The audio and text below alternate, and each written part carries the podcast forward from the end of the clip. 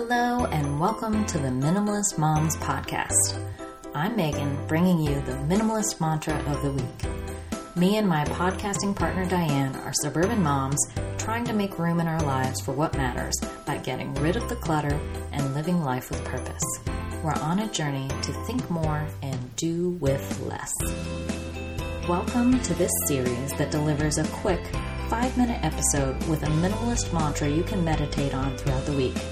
Now, don't think we're getting all woo woo here. You don't literally have to meditate on this phrase, but we hope you'll think about this phrase as you go throughout your week and mindfully consider how it applies to your life and maybe how you can adjust your actions. This week's mantra is choose JOMO. What's JOMO, you may ask? JOMO may sound like a weird tribal cry, but it's an acronym the joy of missing out. JOMO is the antithesis of an acronym you may be familiar with FOMO, the fear of missing out. First, let me explain FOMO for those of you who may not be familiar. We typically say we're suffering from a case of FOMO when we can't shake the feeling that someone else is happier because they have or are experiencing something we are not.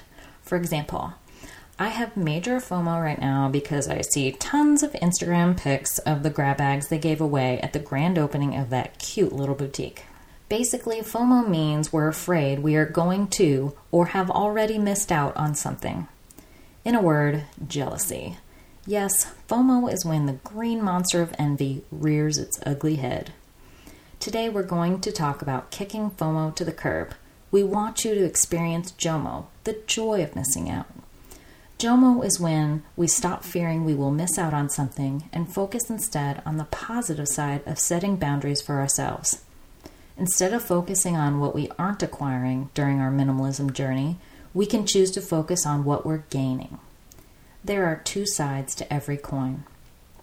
When you set a priority of owning less stuff, you are choosing more of something else. You are conserving your time, money, and physical space.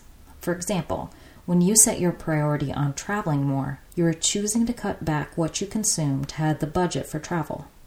Sometimes we focus on the loss rather than the gain.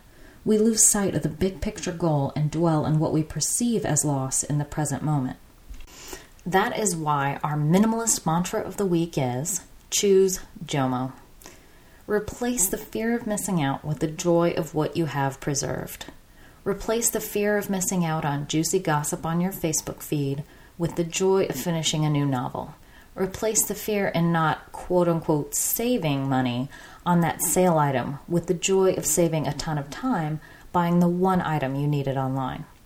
Replace the fear of missing out on the latest iPhone upgrade with the joy of seeing your debt dwindle. We have a choice.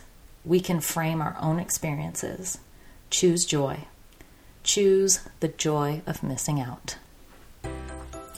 Let us know how you put this week's minimalist mantra into practice on Instagram or Facebook. You can find us by searching Minimalist Moms Podcast. As an additional resource for you, we have included a complete transcript of this podcast on our website, minimalistmomspodcast.com.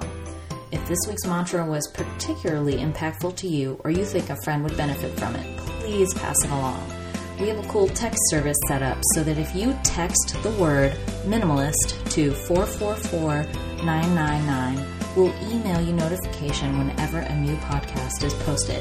Again, text the word minimalist to 444999. And don't forget to leave us a rating or review on iTunes. We throw a mini dance party every time we see one of those. We wish you a lovely week as you think more and do with less.